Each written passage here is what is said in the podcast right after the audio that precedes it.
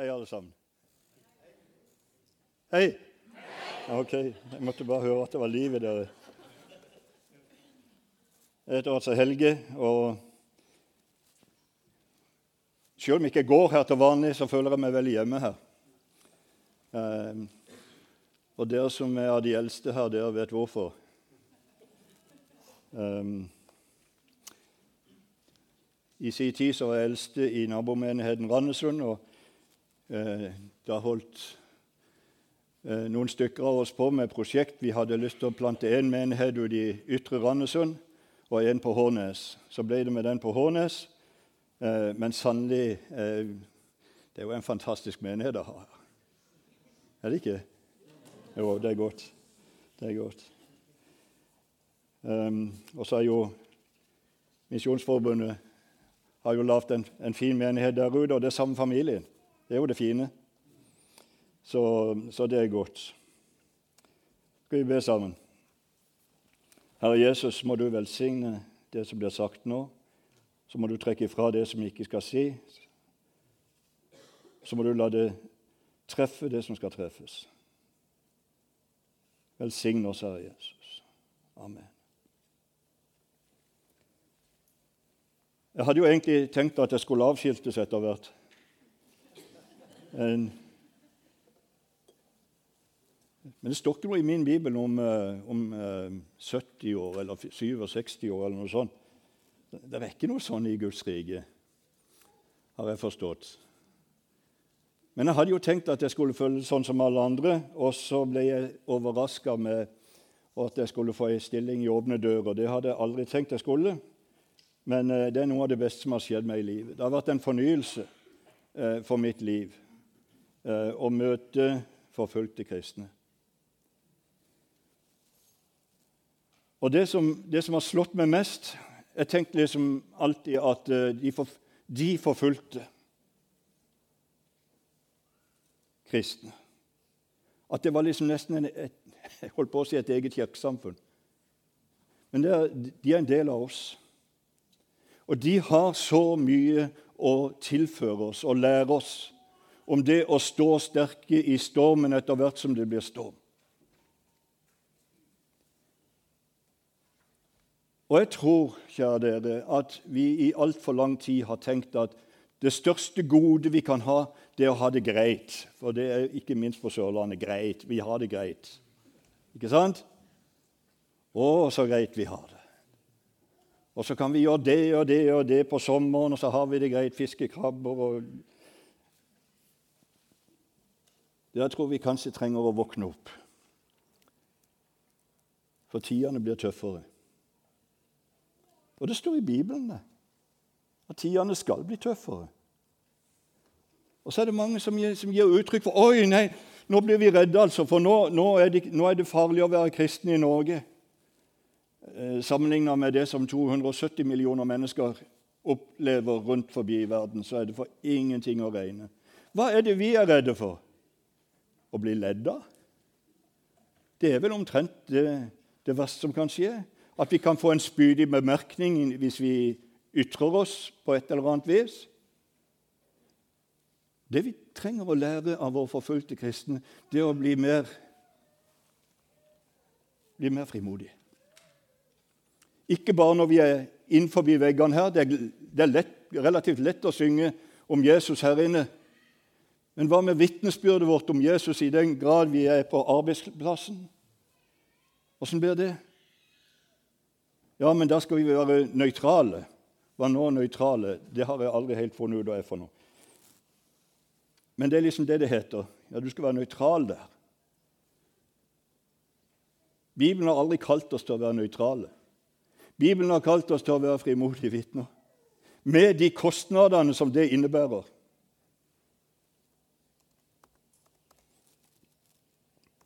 Jeg har blitt spesielt begeistra for våre venner i i Midtøsten, og da spesielt i Egypt. Der har jeg fått være nå fem ganger i løpet av to år. Og Jeg skal ned igjen nå i begynnelsen av mars med noen bibelskoleelever. Og Forrige gang vi var der med bibelskoleelever, så, så skulle vi på den største kirka som ligger rett med Tahir-plassen midt i Kairo. Eh, og Der skulle de ha ungdomsgudstjeneste. Og to kvartaler unna så hører vi lovsangen fra denne kirka. For de skulle ikke bare ha lovsang inn forbi, de skulle ha den ut forbi. Så de hadde hengt opp svære høyttalere, omtrent sånn som bønneropene fra islamistene. Du kunne høre dem på lang avstand. Og ut forbi kirka så sto det altså pansra politibiler eh, for å passe på. Ikke sant? Eh, for det har skjedd mye der. Eh, de har hatt eh, eh, Kirkene i Kairo har hatt besøk av selvmordsbombere ganske mange ganger. Der er gått liv tapt, mange er blitt skada og såra. Men de har ikke slått av på kravene i det hele tatt. De er akkurat de samme. Og de har en, en forventning til Gud og en, en, pågangsmot som jeg tenker Kjære Gud, gi oss mer av det. Kjære Gud, gi oss mer av det. Og så vet de at de er ikke supermennesker. De vet at de er sårbare. De vet at de kan kjenne på sorg. De vet at de kan kjenne på det som er vanskelig. Men så er det noe av det som vi snakker, ble snakka om her i stad, at vi kunne være mer ærlige om livene våre, snakke ut om livene våre. Jeg har mange ganger tenkt på det at krukka som blir beskrevet, at vi er som ei krukke der lyset stråler ut gjennom står det i Nye testamentet. Og hvis, hvis, vi oppfører oss som det er glasert, hele greia, så vil ikke det lyset ha mulighet for å komme gjennom. Vi må være tilbøyelige til å vise våre sprekker i livet. Det som gjør vondt, det som er vanskelig, og ikke gå rundt og se ut som at vi, vi fikser alt. Og så må vi be for hverandre, og så må vi hjelpe hverandre på veien hjem. Det er det å være menighet.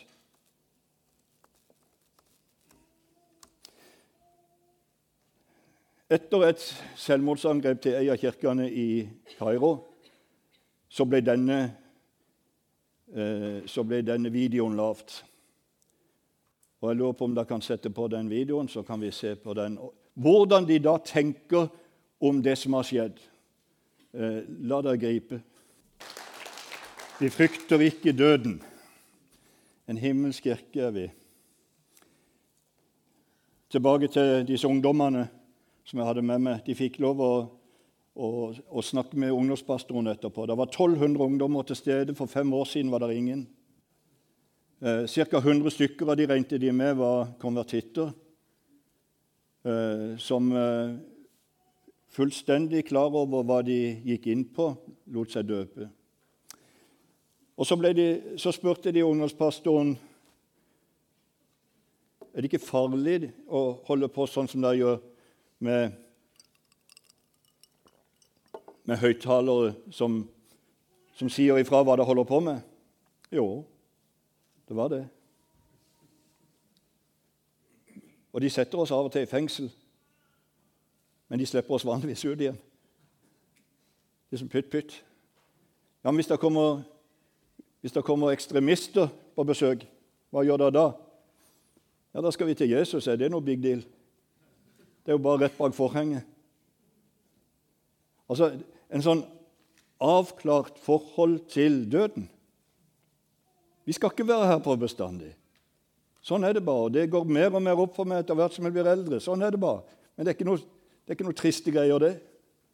Vi skal hjem. Vi skal hjem, dere. Det er, det er målet vårt. Og Så lar han oss være her så lenge han ønsker, og så er det det som er vårt mål. Vi skal hjem. Og på den, på den veien så skal vi ha med flest mulig.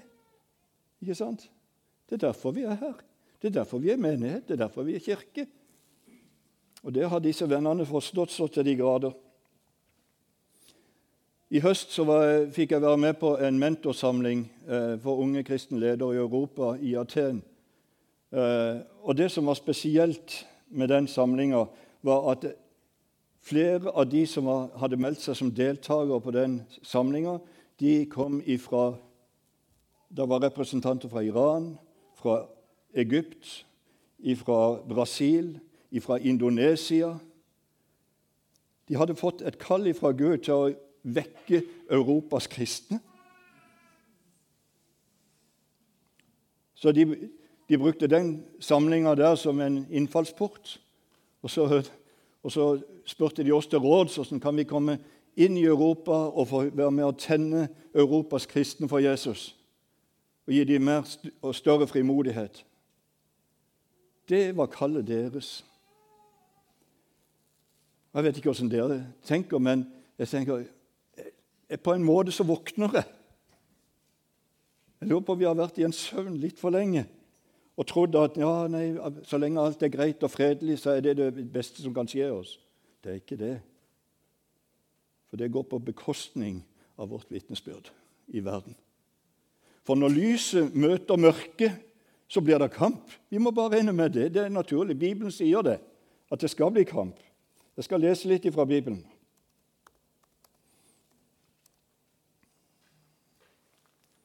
Jeg vet at dere har hatt eh, en gjennomgang av bergpreken. og Da vil jeg også ta med meg den 'Salig er de som blir forfulgt for rettferdighets skyld, for himmelriket er deres'. De er salige. Lykkelige er de.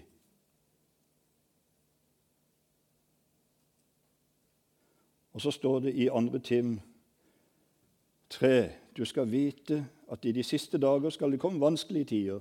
Ikke bli overraska om, om, om, folk begynner å bli litt aggressive imot oss. Bare ikke bli aggressiv tilbake. Vi må vokte oss for ikke å svare med aggressivitet og hat. Vi må svare med kjærlighet og tilgivelse. Det er oppskriften i Guds rike. For da skal menneskene være selvopptatte og pengegriske, brautende, hovmodige og spottende ulydige mot foreldre, utakknemlige og uten respekt for det hellige. Det ser vi jo rett som det. Ukjærlige og uforsonlige, baktalende, ubeherskede, rå og ondsinnede, svikefulle, oppfarende og innbilske. Og så står det, hør nå de elsker nytelser høyere enn de elsker Gud. Så en ting til som kanskje treffer oss rett i De elsker nytelser høyere enn de elsker Gud. I det ytre har de gudsfrykt, men de fornekter gudsfryktens kraft.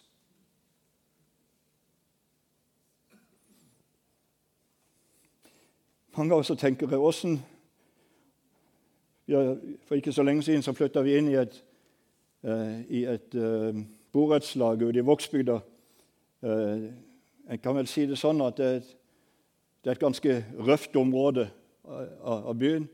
Eh, på generalforsamlingene der så er de litt mer direkte enn det som eh, kanskje er godt noen ganger. Eh, men vi stortrives der. Det er det mennesker som Gud elsker. Og så lurer jeg på noen ganger åssen ser de på Helge, som plutselig ble leder for dette her i borettslaget? Var de var det han de stemte på? De kjente meg ikke. Og så framstår jeg for dem. Jeg er så opptatt av at jeg ikke skal framstå som en polert skikkelse og en som liksom fikser livet på alle områder, men at jeg kan, jeg kan være på en sånn måte at de kan identifisere seg med meg. Og så at de forhåpentligvis kan oppleve at det er noe som lyser på innsida ifra Gud. Som vil trekke, trekke det til dem. Men jeg kan love dere at det ikke alltid er like lett å framstå. Det vet vi. Som en, som en kristen. Å tenke annerledes enn sånn som folk flest tenker. Men det er det vi er kalt til. Og Jeg kjenner ofte på den svakheten i meg sjøl. Og jeg er så totalt avhengig av Guds kraft for å leve. Jeg kan ikke leve uten. Så sier Paulus, og derfor er jeg fylt av glede når jeg for Kristi skyld er svak. Blir mishandlet, er i nød, i forfølgelse og i angst. For når jeg er svak, da er jeg sterk. Det er et sånn opp-ned-prinsipp i Guds rike, er det ikke vel? Når jeg er svak, er jeg sterk. Den første skal bli den siste. Det er så mye som er opp ned. Men det er det for at vi skal være totalavhengige av Guds kraft, og ikke bare se ut som vi har Guds kraft. Og ikke bare demonstrere Guds kraft når vi er innenfor de trygge veggene i den kristne forsamlinga. Men da vi kan stå selv om vi blir håna, om vi skulle bli spotta Det er ikke mye vi blir spotta i dette landet, dere. Hva er vi redde for? Hva er vi redde for?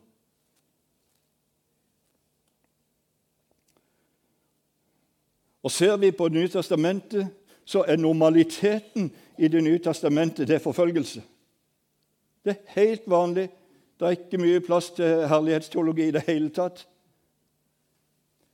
Paulus han møtte hele tida vanskeligheter. Alt han måtte tåle. Han ble piska, han ble slått, han ble fengsla. Og så sitter han og Silas i fengselet. Hva gjør de for noe? De synger lovsanger. Ikke fordi det var så greit at rottene sprang over beina deres, og at det var mørkt, at det var fuktig at det var Men fordi at de var forankra et annet sted. De var forankra i Guds kraft og i Guds glede og i Guds fred. Og de trodde på Han som hadde sagt 'Jeg skal være med dere alltid, alle dager, inntil verdens ende'. Jeg skal være med dere. Dere har ikke noe å være redd for, kjære barn. Jeg vil være med dere. Hva er vi redde for? Hva er vi redde for?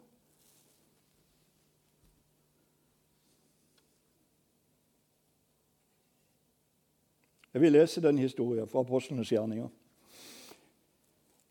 En gang vi var på vei til bønnestedet, møtte vi en slavekvinne som hadde en spådomsånd i seg. De som eide henne, tjente gode penger på spådomskunstene hennes. Hun fulgte etter Paulus og oss mens hun ropte og skrek. Disse folkene tjener for Gud, den høyeste, og de forkynner dere veien til frelse. Tenk at hun kunne rope det ut. Da ble Paulus sint, for han skjønte hva, det, hva som eh, foregikk. Snudde seg og sa til ånden, 'Jeg befaler deg i Jesu Kristi navn, far ut av henne.' Og den forlot henne på timen. Da herrene hennes forsto at det ikke var mer fortjeneste å håpe på, grep de Paulus og Silas og trakk dem med seg til myndighetene på torget. De førte dem fram for byens romerske dommer og sa disse menneskene lager bråk i byen vår. De er jøder, og de forkynner skikker vi ikke har lov å godta eller følge, vi som er romerske borgere. Folkemengden deltok også i angrepene på dem, og dommerne fikk klærne revet av dem og befalt at de skulle piskes. Litt av ei stemning. De fikk mange slag og ble satt i fengsel, og fangevokteren fikk ordre om å vokte dem godt. Da han hadde fått den ordren, kastet han dem i det innerste fangehullet og låste føttene deres fast i blokken. Ved midnattstider holdt Paulus og Silas bønn og sang lovsanger til Gud, og fangene lyttet til det. Plutselig kom det et kraftig jordskjelv, så grunnmuren i fengselet ristet. Straks sprang alle dørene opp, og lenkene løsnet av alle fangene. Fangevokteren for opp av, sønnen, av søvnen og så at fengselsdørene var åpne. Han grep et sverd og ville drepe seg fordi han trodde fangene var rømt. Det var stor straff hvis det hadde skjedd. Men av all sin kraft ropte Paulus til ham, 'Ikke gjør deg selv noe vondt. Vi er her alle sammen.' Fangevokteren ba om å få lys, løp inn og falt skjelvende ned for Paulus og Silas. Så førte han dem utenfor og sa, 'Hva skal jeg gjøre, gode herrer, for å bli frelst?' De svarte, 'Tro på Herren Jesus Kristus, så skal du bli frelst, du og hele ditt hus.' I denne sene nattetimen tok han dem med seg og vasket sårene deres. Altså Fangevokteren endte opp med å vaske sårene til Paulus og Silas etter at de var blitt piska. Så øh, og han ble straks døpt med alle sine. Så tok han dem med hjem og ga dem mat, og han gledet seg sammen med hele sitt hus over å få troen på Gud. For ei historie! For ei historie!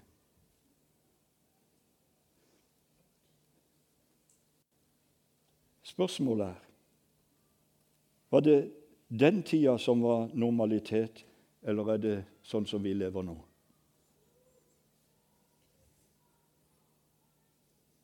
Er det vi som er normale? Eller er det våre venner i Egypt eller i Afghanistan, eller for den slags skyld de antagelig flere tusen i Nord-Korea som ikke gir opp troen, og som blir utsatt for pisking og forferdelig nedverdigende situasjoner. Hva er normaliteten?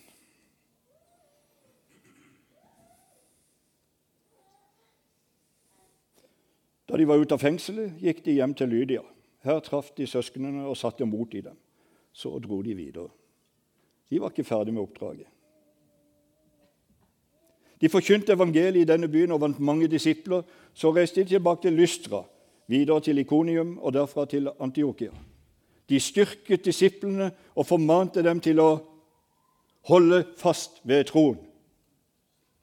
For det er det det dreier seg om, dere. Vi må holde fast. Vi hører stadig vekk at Bibelen er ikke det er, det er bare noe, noe, mennesker har skrevet. Det er, ikke, det er ikke troverdig. Problemet vårt dere, det er at vi lever i ei superindividualistisk tidsalder. Der det er jeg som bestemmer hva som er viktig og ikke viktig. Istedenfor at vi lærer å i lydighet underkaste oss Gud. Og fordi om ikke vår lille hjerne klarer å få alt til å passe inn i den tida vi lever i Tenk om vi kunne si at ok, eh, jeg velger å tro allikevel. Og få de hånlige flirene som vi helt sikkert får pga. det. Vær frimodige, venner. Ikke gi dere.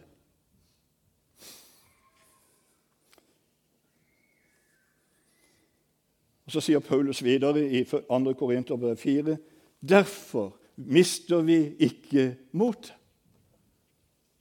For selv om vårt ytre menneske går til grunne, blir vårt indre menneske fornyet da for da. De trengslene vi nå må bære, er lette, og de skaper for oss en evig rikdom og herlighet som veier uendelig mye mer. Vi har ikke det synlige for øyet, men det usynlige. For det synlige tar slutt, det usynlige er evig. Hva er det du ser på om dagen? Hva er det du ser på om dagen? Det som tar slutt, eller det som er evig? Der jeg tror vi må ta, foreta noen valg. Og så må vi si at jeg, jeg velger å se på det som Bibelen sier, det er det evige. Bruk tida i Bibelen. Og så går det stadig nye ting opp for deg. En gammel mann nå. Etter hvert så, så, Noen ganger så tenker jeg når jeg leser Bibelen Oi, hvorfor har jeg ikke sett dette før? Noen av dere som har opplevd det? Ja? Tre stykker. Fint. Dere, la oss leve der med det usynlige for øyet, for det er mulig. Og så viser Gud oss etter hvert som vi trenger det, det er jo sånn han bygger oss opp i hverdagen også. Jeg skulle ønske jeg hadde fryktelig mye lengre tid hos dere, men det har jeg ikke. Jeg får klar beskjed om hvor lenge jeg skulle holde på. Så, så jeg, skal, jeg, skal, prøve å holde meg innenfor der. Men jeg har lyst til å lese Romerbrevet 8,35, som dere sikkert kan utenat mange av dere. Hvem kan skille oss fra Kristi kjærlighet? Nød, angst, forfølgelse, sult, nakenhet, fare eller sverd. Som det står skrevet, for din skyld drepes vi dagen lang, vi regnes som slaktesauer. Men i alt dette vinner vi mer enn seier ved Han som har elsket oss. Og så kommer det altså, Kjære Gud, gi meg mer av den vissheten til Paulus. For jeg er viss på, jeg er sikker på, at verken død eller liv, verken engler eller krefter, verken det som nå er eller det som kommer, eller noen makt, verken det som er i det høye eller i det dype, eller noen annen skapning, skal kunne skille oss fra Guds kjærlighet i Kristus Jesus, vår Herre. Det er et løfte han gir oss. Ingenting kan skille oss fra hans kjærlighet. Om du akkurat nå i ditt liv opplever at liv er fryktelig vanskelig Det er nesten ikke så som du kan klare å, å møte morgendagen.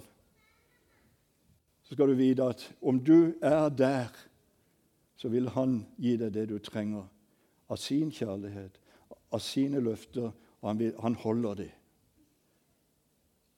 Og jeg kan si på bakgrunn av mitt liv at han har aldri svikta. Ikke engang. Jeg har nok svikta noen ganger, men ikke han.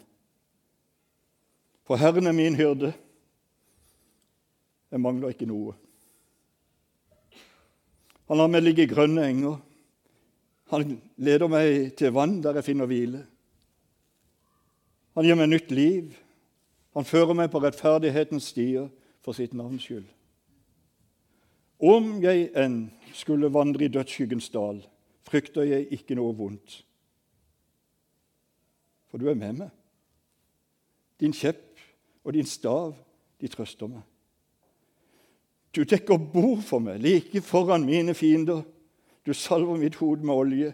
Mitt beger renner over. Bare godhet og miskunn skal følge meg alle mine dager.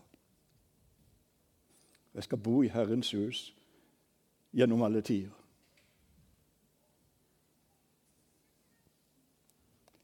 I 2014 så var det, to, eh, det var 21 egyptiske fremmedarbeidere pluss én fra Eritrea som ble tatt av IS og holdt til fange i flere dager. Og stadig trua med at de skulle miste livet hvis ikke de frasa seg troa. Alle disse var koptiske kristne, bortsett fra han fra Eritrea. Siste dagen de blir tatt ut og stilt, på, stilt opp på, på stranda og skal avrettes. Siste sjansen. Vil de frasi deg troa? Nei.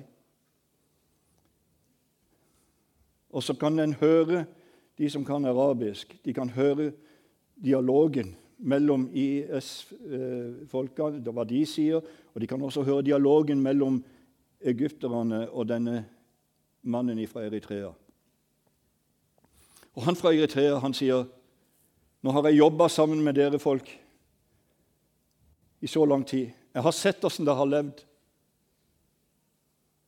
'Jeg har sett åssen dere har levd. Nå vil jeg gi livet mitt til Jesus.' Så han ga sitt liv til Jesus der og da. Så kan en si svikta Gud, da? Svikta Gud i den situasjonen? Hvorfor gjorde han ikke noe med det? Etterpå har dette vitnesbyrdet gått over hele Midtøsten. Gjennom SAT-7, som er satellitten som kjøres rundt. Og Det har vært et utrolig vitnesbyrd. Det og masse andre vitnesbyrd fra forfulgte kristne som blir kjørt rundt. Og Det fører til at mennesker som tidligere har vært muslimer, de søker Gud i mye større antall enn det vi har sett på lenge. Når kornet blir lagt i jorda og dør, så skjer det noe. Det er også et av Guds rare prinsipper. Så skjer det noe. Er du villig til å være det kornet? Til å bli lagt i jorda og dø om nødvendig? Da skal du i tilfelle hjem. Det er ikke slutten, det er begynnelsen. Eller det er fortsettelsen på livet. Men er vi der? Er vi der? Og Jeg må spørre meg sjøl Helge, er du der?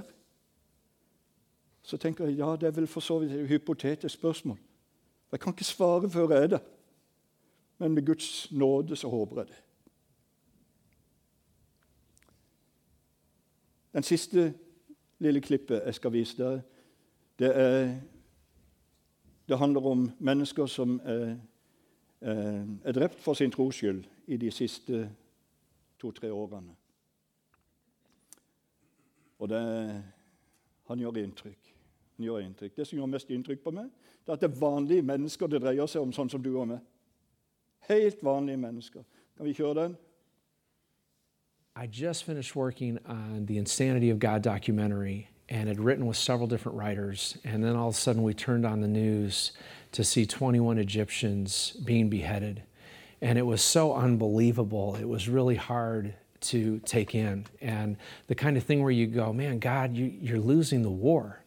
Like you're losing. You know, what do we do with this? Where are you in the midst of this? And a friend of mine named Jenny Lee Riddle, who's written many songs that uh, Selah has recorded, she called me up because we'd written before about the persecuted church, and she said, We need to write a response for the church to what has happened. And one of the main things that ISIS kept saying was, We are killing these men because they are people of the cross.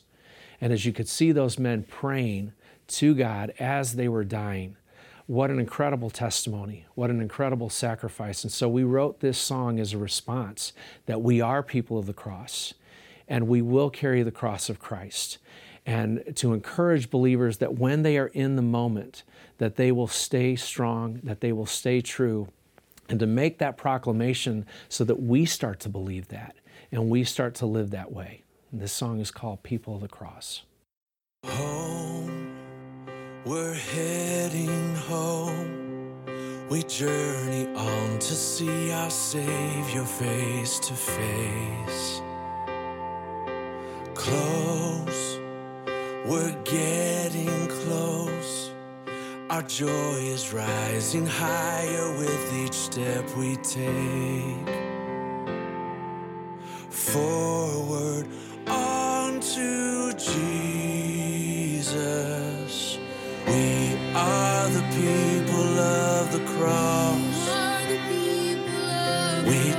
Choose Christ and count all else as lost. We won't be shaken, hope won't be taken. We are the people of the cross.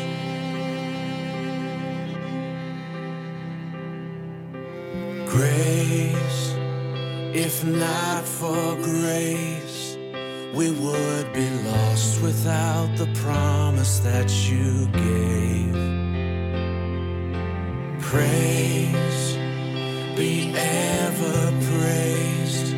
Your spirit burns within us brighter every day. Forward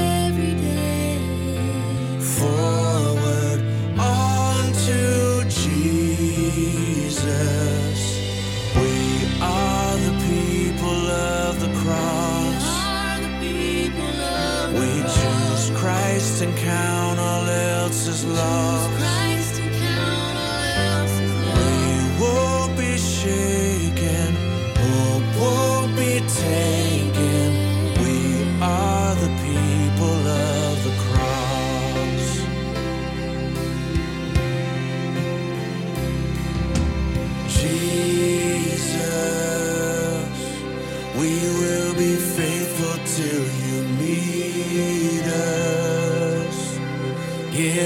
Your courage as we finish.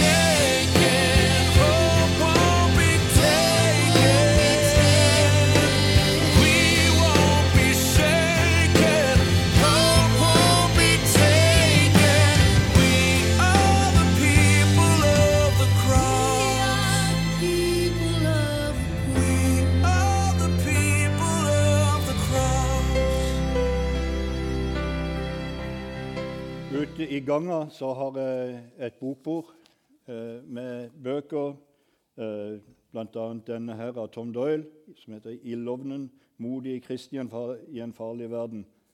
Eh, om du har lyst til å trenge litt mer inn i dette, så er det en god måte å gjøre det på. Jeg har også med meg World Watch List, som setter opp de 50 vanskeligste landene det er å være kristen i verden i dag. Og det, tar, det er vanskeligere og vanskeligere å komme inn på den lista. For det, skjer, det er tøffere og tøffere rundt forbi i verden. Eh, så dere kan forsyne dere av det. Og så har, uh, dere kan også skrive dere opp på liste og få bladet gratis hver måned. Det er fantastisk bønne, eh, et, et bønnehjelp. Som det holder deg virkelig oppdatert på hva som skjer rundt forbi. Skal vi be til slutt? Herre Jesus, vi ber deg om at du gir oss mot, om at du gir oss kraft. Og Vi ber om at vi alle sammen holder oss så nær inntil deg i fellesskap med deg, Herre Jesus, at det synes på omgivelsene våre. Vi kan ikke tvinge noen, Herre, men vi kan være representanter for ditt rike.